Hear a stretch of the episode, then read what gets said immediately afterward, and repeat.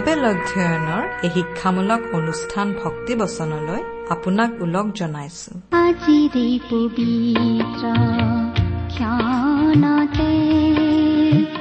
উজলি উঠা খ্ৰীষ্টৰ জ্যোতি। প্ৰিয় শ্ৰোতা আমাৰে সৈতে আজিৰ এই অনুষ্ঠান শুনিবলৈ বহাৰ বাবে আপোনালৈ অশেষ ধন্যবাদ। আপোনাৰ দৰে শ্ৰোতাই আমাক সদায় প্ৰেৰণা যোগায়। এই অনুষ্ঠানটিৰ যোগেৰে আমি আপোনাক লগ পাই থাকিলে আমি বৰ উৎসাহ পাওঁ। আমি মানুহ সঁচাকৈ ইজনে আনজনৰ সম্পৰ্কত থাকি বৰ ভাল পোৱা প্ৰাণী। ঈশ্বৰো আমাৰ লগত থাকি বৰ ভাল পায়। সেয়েহে যীশুখ্ৰীষ্টৰ ৰূপেৰে আহি আমাৰ লগত অৰ্থাৎ মানুহৰ লগত বসতি কৰিলে। তেওঁৰ আন এটা নাম ইমানুৱেল অৰ্থাৎ আমাৰ লগত ঈশ্বৰ মানুহৰ লগত ঈশ্বৰ। মানুহ যেন সদায় ঈশ্বৰৰ লগত আৰু ঈশ্বৰ যেন সদায় মানুহৰ লগত থাকিব পাৰে তাৰ বাবে যি বলিদানৰ কাৰ্যৰ প্ৰয়োজন আছিল তাকেই সিদ্ধ কৰিবলৈ প্ৰভু যীশু এই পৃথিৱীলৈ আহিছিল ঈশ্বৰে মানুহৰ লগত থাকিব বিচাৰে। ভাবিলেই ভাল লাগে নহয়নে? এই সময়ত ঈশ্বৰ আপোনাৰ মোৰ লগত আছে। আপুনি যাতে কেতিয়াও অকলশৰীয়া অনুভৱ নকৰে। ঈশ্বৰ আপোনাৰ লগত। ইয়াতকৈ ভাল সংগ পৃথিৱীত কি হ'ব পাৰে? এই লগৰীয়া ঈশ্বৰৰ বিষয়ে অধিককৈ জানিবলৈ আহক। আজিৰ ভক্তিবচন অনুষ্ঠানসমূহ।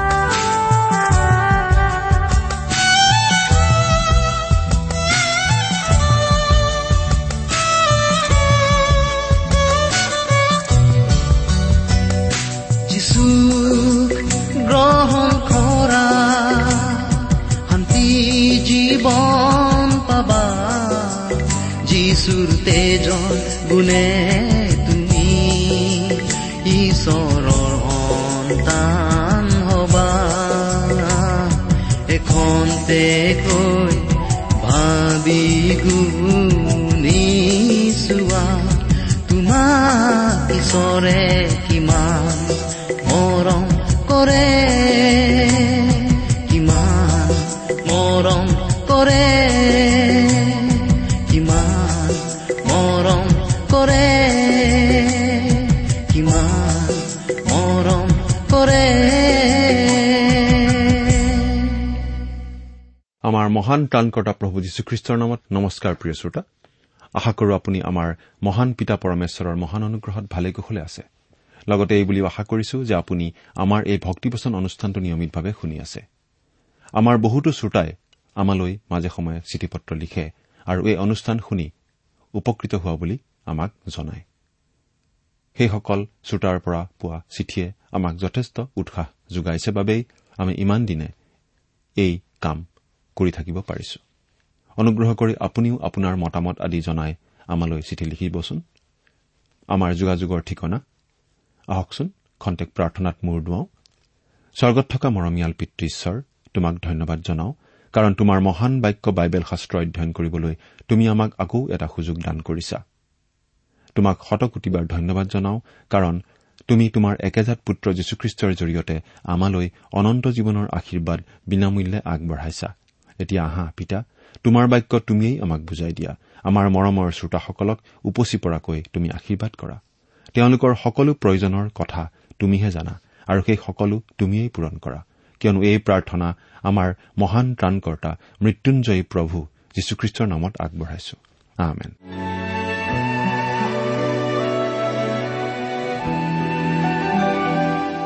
প্ৰিয় শ্ৰোতা এই ভক্তিবচন অনুষ্ঠানটো যদিহে আপুনি নিয়মিতভাৱে শুনি আছে তেনেহলে আপুনি নিশ্চয় জানে যে আমি আজি ভালেমান দিন ধৰি বাইবেলৰ পুৰণি নিয়ম খণ্ডৰ যিচয়া ভাৱবাদীৰ পুস্তকখন অধ্যয়ন কৰি আছো।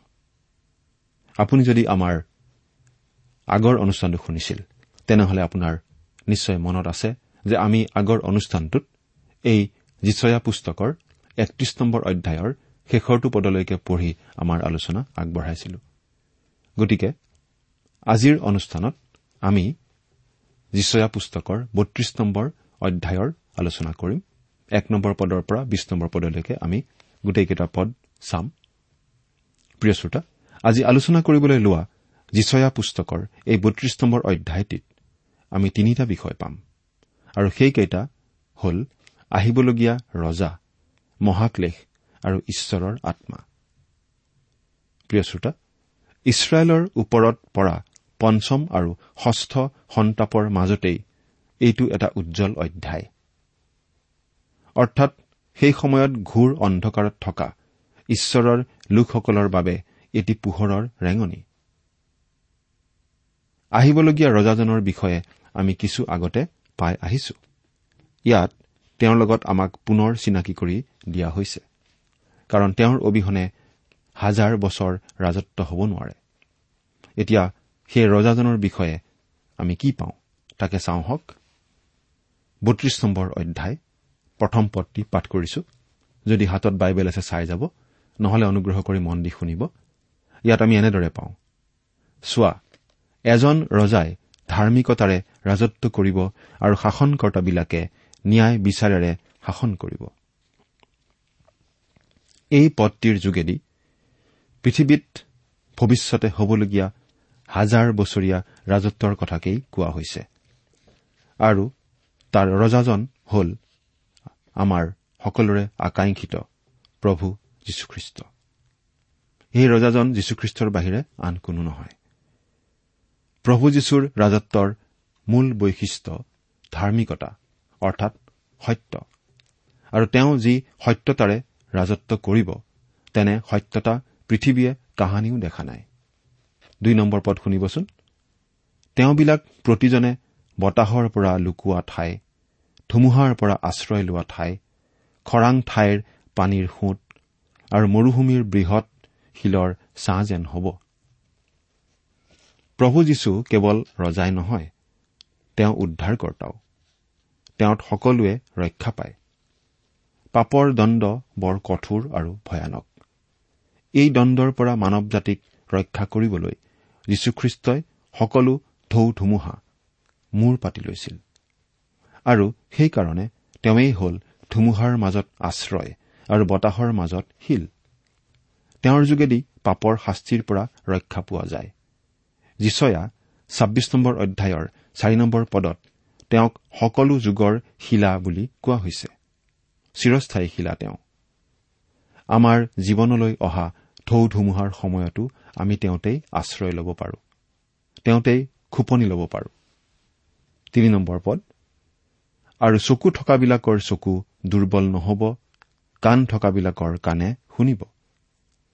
সেই সময়ত ঈশ্বৰৰ সকলো মানুহকেই আম্মিক বুজনিৰ শক্তি দিয়া হ'ব। এই বিষয়ে প্ৰথম কৰিন্ঠিয়া তেৰ নম্বৰ অধ্যায়ৰ বাৰ নম্বৰ পদত এইদৰে কোৱা হৈছে।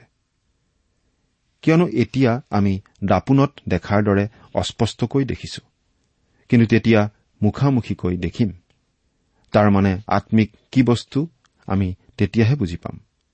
আৰু তেতিয়াহে আমি যিহক গুৰুত্ব দিব লাগে তাত গুৰুত্ব দিব পাৰিম।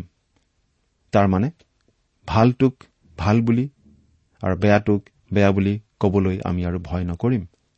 আৰু ভালটোক ভাল বুলি বুজি পাম বেয়াটোকো বেয়া বুলি আমি স্পষ্টকৈ বুজি পাম। আজিকালি আমাৰ মূল্যবোধ নৈতিকতাৰ বিচাৰ একেবাৰে যেন নোহোৱা হৈ পৰিছে। একেবাৰে যেন শেষ হৈ গৈছে। এই নৈতিক মূল্যবোধৰ অভাৱেই হৈছে আজি আমাৰ দেশৰ আমাৰ জগতখনৰ আমাৰ সমাজৰ বৰ ডাঙৰ সমস্যা। উদাহৰণস্বৰূপে আমাৰ স্কুল কলেজবোৰত জীৱৰ ক্ৰমবিকাশৰ শিক্ষা দিয়া হৈ আছে আৰু তাত মানুহক পশুৰ পৰা উৎপত্তি হোৱা বুলি শিকোৱা হৈ আছে। যিটো কথা আমি কেতিয়াও গ্ৰহণ কৰি ল'ব নোৱাৰো যাৰ আচলতে কোনো বৈজ্ঞানিক ভিত্তি নাই। কিন্তু তাৰ পৰিৱৰ্তে নৈতিকতাৰ মূল্যবোধৰ শিক্ষা দিয়া হোৱা নাই। সেইকাৰণে দেশৰ আইন শৃংখলাক যদি কোনোবাই নৈতিকতাৰ উচ্চ মূল্যবোধেৰে বিচাৰ কৰে তেন্তে তেওঁক অকৰা একো নজনা বুলিহে মানুহে কব। কিন্তু যিজনে তাক টেঙৰালি আৰু ধূৰ্ততাৰে চায় তেন্তে মানুহে তেওঁক পাকৈত বুলি কব বুদ্ধিমান বুলি কব। সেইকাৰণে বহু সময়ত আমি কওঁ যে আজি নৈতিকতাৰ কোনো স্থান নাই। এইবিলাক পুৰণা কথা। কিন্তু এই পুৰণা কথাই প্ৰভু যীশুৰ ৰাজ্যত নতুন কথা হ'ব। প্ৰভু যীশুৱে যেতিয়া সত্যতাৰে শাসন কৰিব তেতিয়া নৈতিকতাই মানুহৰ মাজত প্ৰথম স্থান পাব।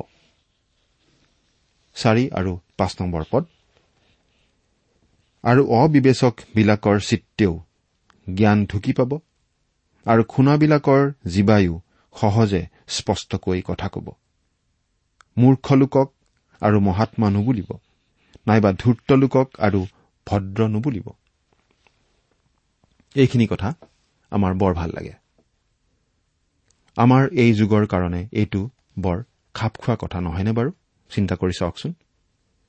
কাৰণ আজি আমাৰ মাজত অনেক ধনী মানুহ আছে আৰু তেওঁলোকৰ ধন সম্পত্তি এনেদৰে ৰাখিছে যে তাৰ বাবে তেওঁলোকে আনকি কৰো দিব নালাগে।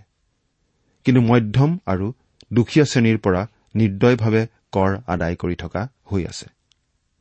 আনহাতে ধনীসকলে উন্নতিৰ নামত নানা ধৰণৰ পৰিকল্পনা আৰু আঁচনিবোৰ হাতত লয় আৰু তাৰ বাবে খৰচ বহন কৰিব লাগে মধ্যম আৰু দুখীয়া শ্ৰেণীৰ লোকসকলে। এইবোৰ চিন্তা নকৰাকৈ আৰু নিজৰ ইচ্ছামতে তেওঁলোকে কাম কৰে কাৰণ কৰ তেওঁলোকে নিদিয়ে। উদাহৰণস্বৰূপে প্ৰভু যীশুৱে কোৱা ধনী মানুহ আৰু লাজাৰ নামৰ দুখীয়া মানুহজনৰ দৃষ্টান্তটোলৈ মন কৰকচোন। সেই ধনীজনৰ মেজৰ পৰা বস্তুবিলাক উফৰি পৰিছিল আৰু লাজাৰে সেই তলত পৰা বস্তুবোৰহে খাবলৈ পাইছিল। তাৰমানে ধনীজনে দুখীয়াক দিয়া নাছিল কিন্তু অপচয় কৰিছিল। এয়া হ'ল আজিৰ সমাজৰ ধনীবিলাকৰো অৱস্থা। আজিৰ দিনত মূৰ্খ মানুহক মহাত্মা বোলা হয়। কিন্তু প্ৰভু যীশুৰ ৰাজ্যত মূৰ্খক মহাত্মা বোলা নহ'ব। কাৰণ যিজন যেনেকুৱা তেওঁক তেনেকুৱাই দেখা যাব। আজি মানুহৰ অন্তৰত ভয়ানক দুষ্টতা লুকাই আছে। এতিয়া আমি তাক নেদেখিব পাৰো কিন্তু যীশুৰ ৰাজ্যত মানুহৰ হৃদয়ৰ আচল ৰূপটো দেখা পোৱা যাব। তেতিয়া কাৰো একো লুকাই নাথাকিব। সকলোৰে প্ৰকৃত ৰূপ প্ৰকাশিত হ'ব। ভিতৰত এটা ৰাখি বাহিৰত আন এটা দেখুৱাব নোৱাৰিব।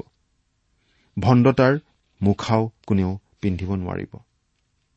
সকলোৰে মুখা খুলি পেলোৱা হ'ব। এয়া কেৱল খ্ৰীষ্টীয় লোকসকলৰ ক্ষেত্ৰতেই হ'ব এনে নহয় কিন্তু সকলোৰে ক্ষেত্ৰতেই হ'ব। আজি খ্ৰীষ্টীয় মণ্ডলীবিলাকতো বৰ ডাঙৰ ভণ্ডতা লুকাই আছে। প্ৰভু যীশুৰ সেই হাজাৰ বছৰীয়া ৰাজ্যত এই সকলোকে দূৰ কৰা হ'ব। কিন্তু ইয়াৰ আগতে এটি অন্ধকাৰ আৰু নিৰ্যাতনৰ যুগে ৰাজত্ব কৰিব আৰু সেইটোৱেই হ'ব মহাক্লেশৰ যুগ। ছয় নম্বৰ পদৰ পৰা ন নম্বৰ পদলৈকে পাঠ কৰি দিম।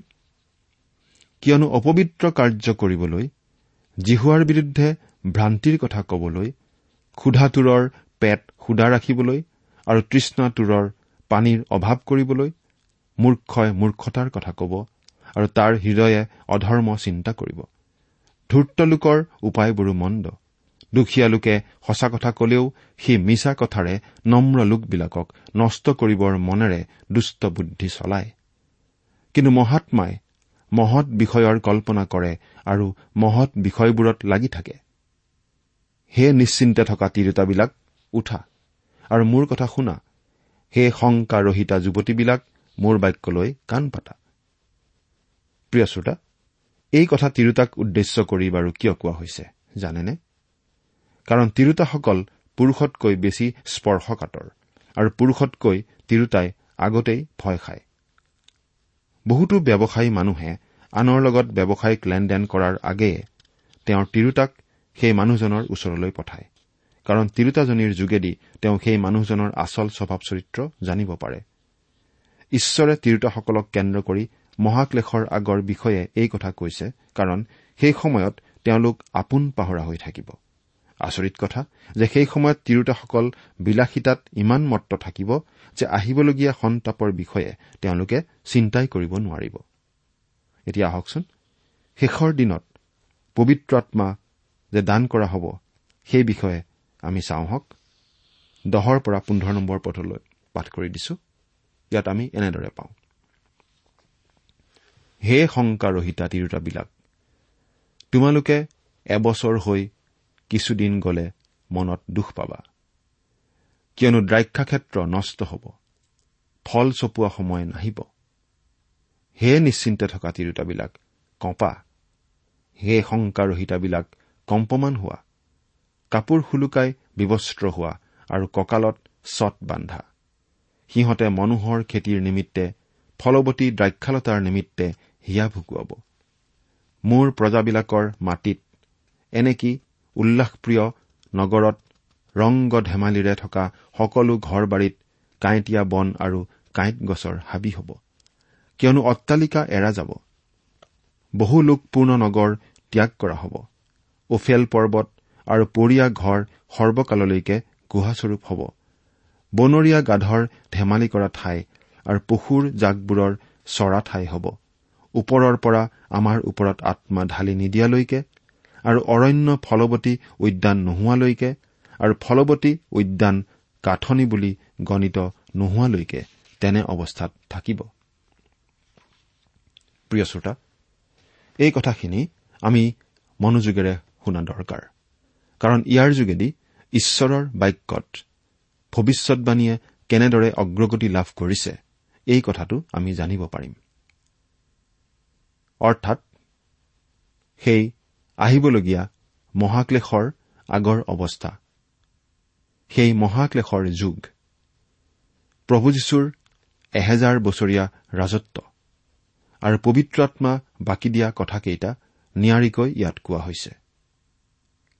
বাৰু পবিত্ৰ আত্মা কেতিয়া বাকী দিয়া হ'ব? প্ৰভু যীশুখ্ৰীষ্টই হাজাৰ বছৰ ৰাজত্ব কৰা কালতহে আচলতে পবিত্ৰ আত্মা বাকী দিয়া হ'ব। আৰু সেই সময়টোৱেই হ'ব আম্মিক আশীৰ্বাদৰ মহান দিন। আৰু সেই সময়তেই আটাইতকৈ বেছি মানুহে প্ৰভু যীশুক গ্ৰহণ কৰিব। কাৰণ তেতিয়া যীশুখ্ৰীষ্টই সোঁ শৰীৰে থাকি নিজেই ৰাজত্ব কৰিব। ইয়াৰ অৰ্থ কিন্তু এইটো নহয় যে সেই সময়ত সকলোৱে তেওঁৰ ওচৰত আঁঠু ল'ব। অৱশ্যে সকলোৱে আঁঠু ল'ব কিন্তু এই সময়ছোৱা পৰীক্ষাৰহে সময় হ'ব। এই বিষয়ে জুৱেল দুই নম্বৰ অধ্যায়ৰ আঠাইছ আৰু ঊনত্ৰিশ নম্বৰ পদত এইদৰে কোৱা হৈছে তাৰ পাছত মই গোটেই মনুষ্য জাতিৰ ওপৰত মোৰ আত্মা বাকি দিম। তাতে তোমালোকৰ পু যিবিলাকে ভাৱবাণী প্ৰচাৰ কৰিব। তোমালোকৰ বৃদ্ধবিলাকে সপোন দেখিব আৰু তোমালোকৰ যুৱাবিলাকে দৰ্শন পাব। আৰু সেই কালত মই বন্দী বেটীবিলাকৰ ওপৰতো মোৰ আত্মা বাকি দিম। এই ভৱিষ্যৎবাণীটো আগতে কেতিয়াও সিদ্ধ হোৱা নাই। আনকি পঞ্চাছদিনীয়া পৰ্বৰ দিনতো ই সিদ্ধ হোৱা নাই। ই ভৱিষ্যতে সিদ্ধতাৰ বাবে বাট চাই আছে। অৱশ্যে পাচনিৰ কৰ্ম দুই নম্বৰ অধ্যায়ত যেতিয়া যীশুৰ শিষ্যসকলৰ ওপৰলৈ পবিত্ৰ আত্মা নামি আহিছিল তেতিয়া এইটো অলপ পৰিমাণে হলেও সিদ্ধ হৈছে। কিন্তু তথাপিতো সেয়া পবিত্ৰ আত্মা বাকী দিয়াৰ সিদ্ধতা নহয়। কিন্তু পবিত্ৰ আত্মা বাকী দিয়াৰ এটা সেয়া নমুনাহে আছিল। শিষ্যসকল পবিত্ৰ আত্মাৰে পৰিপূৰ্ণ হোৱা দেখি নানাজনে নানা কথা কবলৈ ধৰিছিল। আনকি কিছুমানে তেওঁলোকক ইটিকিং কৰি কৈছিল যে তেওঁলোকে হেনো ৰাতিপুৱাই মদ খাই মতলীয়া হৈ পৰিছে। এই কথা শুনি পিতৰে এনেদৰে কৈছিল এওঁবিলাক তেনে মতলীয়া নহয়। কাৰণ এতিয়া দিনৰ নমান বজা সময়হে হৈছে। এনেকৈ কোৱাৰ কাৰণ হ'ল পিতৰৰ দিনত মানুহবিলাকে ৰাতিপুৱাই মদ নাখাইছিল। আজিকালিহে আমাৰ মানুহৰ মদ খোৱাৰ কোনো সময় নাই যেতিয়াই পায় তেতিয়াই খায় কিন্তু পিতৰৰ দিনত ৰাতিপুৱা নাখাইছিল। যি কি নহওক নানাজনৰ নানা ভাৱ হোৱা দেখি পিতৰে জুৱেল পুস্তকৰ দুই নম্বৰ অধ্যায়ৰ আঠাইছ আৰু ঊনত্ৰিশ নম্বৰ পদ দুটি ব্যাখ্যা কৰি বুজাই দিছিল যে শিষ্যসকলৰ ওপৰত পবিত্ৰ আত্মা অৱশ্যে পৰিছে। কিন্তু তথাপিতো সেয়া পবিত্ৰ আত্মা বাকী দিয়াৰ সিদ্ধতা নহয়। ইয়াৰ সিদ্ধতাৰ বিষয়ে পাচনি কৰ্মৰ দুই নম্বৰ অধ্যায়ৰ পোন্ধৰ নম্বৰ পদৰ পৰা একৈশ নম্বৰ পদলৈ পিতৰে কোৱা কথা আৰু জুৱেল পুস্তকত কোৱা কথাৰ পৰা আমি জানিব পাৰো যে পবিত্ৰ আত্মা বাকী দিয়াৰ সিদ্ধতা আচলতে এতিয়াও হোৱা নাই। প্ৰভু যীশুৱে যেতিয়া সকলোকে পবিত্ৰ আত্মা বাকী দিব তেতিয়াহে সিদ্ধ হ'ব। পঞ্চাছদিনীয়া পৰ্বৰ দিনা মাত্ৰ শিষ্যসকলেহে পবিত্ৰ আত্মা পাইছিল। কিন্তু বাকী দিয়াৰ ক্ষেত্ৰত জুৱেল পুস্তকৰ দুই নম্বৰ অধ্যায়ৰ ত্ৰিশৰ পৰা বত্ৰিশ পদলৈ যি কথা কোৱা হৈছে সি অতি স্পষ্ট। কথাখিনি আমি ভালদৰে মন কৰা উচিত। পাঠ কৰি দিছো শুনিবচোন। মই আকাশমণ্ডল আৰু পৃথিৱীত তেজ অগ্নি ধোঁৱা স্তম্ভ এইবোৰ অদ্ভুত লক্ষণ দেখুৱাম। ঈশ্বৰৰ সেই মহৎ আৰু ভয়ানক দিন অহাৰ আগতে সূৰ্য অন্ধকাৰত আৰু চন্দ্ৰ তেজত পৰিৱৰ্তন হ'ব। যেয়ে ঈশ্বৰৰ নাম ল'ব তেওঁ উদ্ধাৰ পাব। কিয়নো ঈশ্বৰে কোৱাৰ দৰে পৰিত্ৰাণ পোৱাবিলাক আৰু ৰক্ষা পোৱাবিলাকৰ মাজৰ যিমান লোকক ঈশ্বৰে আহান কৰিব সেই সকলো চিউন পৰ্বতত আৰু জিৰচালেমত থাকিব। তাৰোপৰি জুৱেল দুই নম্বৰ অধ্যায়ৰ আঠাইছ পদত যে কোৱা হৈছে তোমালোকৰ পু যিবিলাকে ভাৱবাণী প্ৰচাৰ কৰিব বৃদ্ধবিলাকে সপোন দেখিব আৰু যুৱাবিলাকে দৰ্শন পাব। এই কথাখিনিও সিদ্ধ হোৱা নাই। এই সকলোৰে পৰা প্ৰমাণ পোৱা যায় যে পবিত্ৰ আত্মা বাকী দিয়া সেই ভৱিষ্যৎবাণীটো আচলতে এতিয়ালৈকে সিদ্ধ হোৱা নাই। ভৱিষ্যতে হ'ব। আজিকালি বহুতে বাইবেলৰ কেইটামান মাত্ৰ পদ পঢ়ে। আৰু তাৰ পৰাই এটা পাঠ প্ৰস্তুত কৰি ভৱিষ্যৎবাণীৰ শিক্ষা দিয়া দেখা যায়। এনে কৰাটো কিন্তু বৰ ভয়ানক। তাকে নকৰি ঈশ্বৰৰ বাক্যই আমাক শাৰী শাৰীকৈ এটি এটিকৈ শিকাবলৈ দিব লাগে। তেতিয়াহে আমি ভালদৰে শিক্ষা দিব পাৰিম। এতিয়া আমি শেষৰ পদকেইটি অৰ্থাৎ ষোল্লৰ পৰা বিশ নম্বৰ পদলৈকে পাঠ কৰি দিছো শুনিবচোন। তেতিয়া সেই অৰণ্যত ন্যায় বিচাৰে বাস কৰিব আৰু সেই ফলৱতী উদ্যানত ধাৰ্মিকতাই বসতি কৰিব। ধাৰ্মিকতাৰ কাৰ্য শান্তি আৰু ধাৰ্মিকতাৰ ফল চিৰস্থায়ী সুস্থিৰতা আৰু বিশ্বাস হ'ব। আৰু মোৰ প্ৰজাবিলাকে শান্তিযুক্ত নিবাসত নিৰ্ভয় ঘৰবোৰত আৰু চিন্তাহীন বিশ্ৰামৰ ঠাইবোৰত বাস কৰিব। কিন্তু কাঠনি ভাগি যোৱাকৈ শিলাবৃষ্টি হ'ব আৰু নগৰ একেবাৰে মাটিৰে সমান হ'ব। আটাই জলসমূহৰ দাঁতিত গুটি সিঁচোতা গৰু আৰু গাধক চৰিবলৈ এৰি দিয়া যি তোমালোক তোমালোক ধন্য। প্ৰিয় শ্ৰোতা এই শাস্ত্ৰাংশখিনিত কোৱা হৈছে অন্যায় অত্যাচাৰ দুৰ্নীতি ইত্যাদিৰে ভৰা অৰণ্যস্বৰূপ এই পৃথিৱীখনত ন্যায় বিচাৰে নিবাস কৰিব। আৰু সকলোৰে মাজত সকলো ক্ষেত্ৰত সত্য প্ৰেম আনন্দ শান্তি ইত্যাদি দেখা পোৱা যাব। আচলতে এইবিলাক হ'ল পবিত্ৰ আত্মাৰ ফল। সকলো মানুহে নিৰ্ভয় শংকাহীনভাৱে নিজ নিজ ঘৰত বাস কৰিব পাৰিব।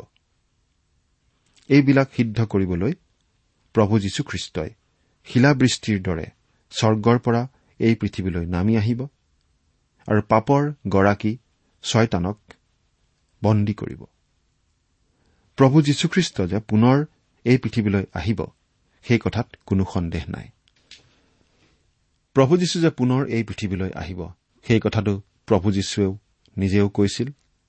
পাচনিবিলাকে লিখা পত্ৰটো আছে আৰু পুৰণি নিয়মতো প্ৰভু যীশুৰ সেই পুনৰ আগমনৰ বিষয়ে এনেদৰে ভৱিষ্যৎবাণীবিলাক আমি দেখা পাওঁ। প্ৰভু যীশু আকৌ আহি আছে। এই পৃথিৱীত তেওঁৰ ন্যায় শাসন প্ৰতিষ্ঠা কৰিবলৈ। প্ৰভু যীশু যে আকৌ আহিব সেই সময়ত যদি তেওঁক লগ পাব লাগে তাৰ বাবে আপুনি সাজুনে আপুনি মই আমি সকলোৱে তেওঁক লগ পাবই লাগিব। সকলোৱে এদিন তেওঁৰ সন্মুখত থিয় দিবই লাগিব। মৃত্যুৰ পাছত হলেও আমি প্ৰভু যীশুক লগ পাবই লাগিব। কিন্তু কথা হ'ল সেই সময়ত তেওঁক লগ পাবলৈ আপুনি বাৰু ভয় কৰিব নেকি? তেওঁৰ সন্মুখত থিয় হবলৈ আপুনি ভয় কৰিব নে আনন্দিত হ'ব?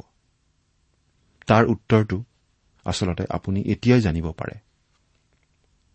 আপুনি ভয় কৰিব নে আনন্দিত হ'ব? সেই কথাটো আপুনি নিজক সুধি চালেই বুজি পাব পাৰে। যদিহে আজি আপুনি প্ৰভু যীশুক আপোনাৰ পৰিত্ৰতা বুলি বিশ্বাসেৰে গ্ৰহণ কৰে তেন্তে সেইদিনা প্ৰভু যীশুক লগ ধৰিবলৈ আপুনি আনন্দিত হ'ব। আৰু যদিহে প্ৰভু যীশুক আপোনাৰ ত্ৰাণকৰ্তা বুলি আপুনি গ্ৰহণ নকৰে তেন্তে প্ৰভু যীশুৰ মুখামুখি হবলৈ আপুনি ভয় কৰিব। গতিকে আপোনাৰ অৱস্থা কি? সেই কথা আপুনি নিজেই বুজি পাইছে। প্ৰিয় শ্ৰোতা আজি আমি যিচয়া পুস্তকৰ বত্ৰিশ নম্বৰ অধ্যায়ৰ আলোচনা কৰিলো। পৰৱৰ্তী অনুষ্ঠানত আমি তেত্ৰিশ নম্বৰ অধ্যায়ৰ পৰা চাম। আমাৰ পৰৱৰ্তী অনুষ্ঠানত আপোনাক পুনৰ লগ পোৱাৰ আশাৰে আজিলৈ আহিছো। ঈশ্বৰ আপোনাৰ সহায় হওক। আমেন।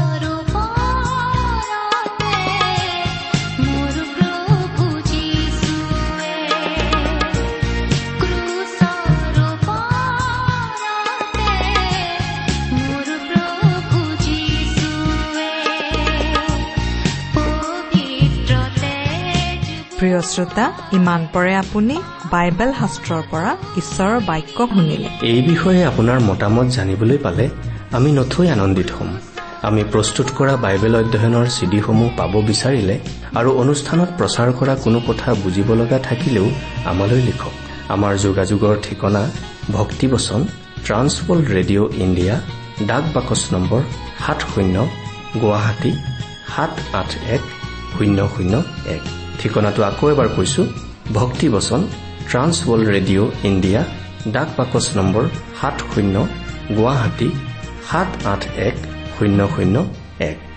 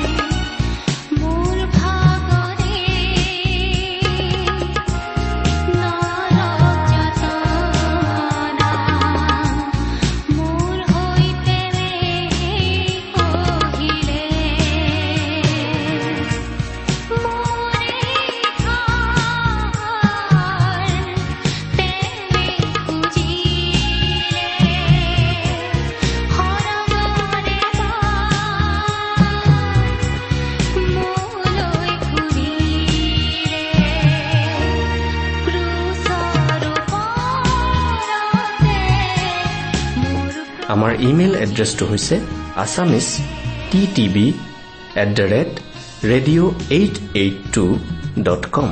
আমাৰ website W W W dot T W R dot in. আপুনি টেলিফোনৰ মাধ্যমেৰেও আমাক যোগাযোগ কৰিব পাৰে। আমাৰ টেলিফোন নম্বৰটো হৈছে nine eight five four zero' four zero' eight eight nine.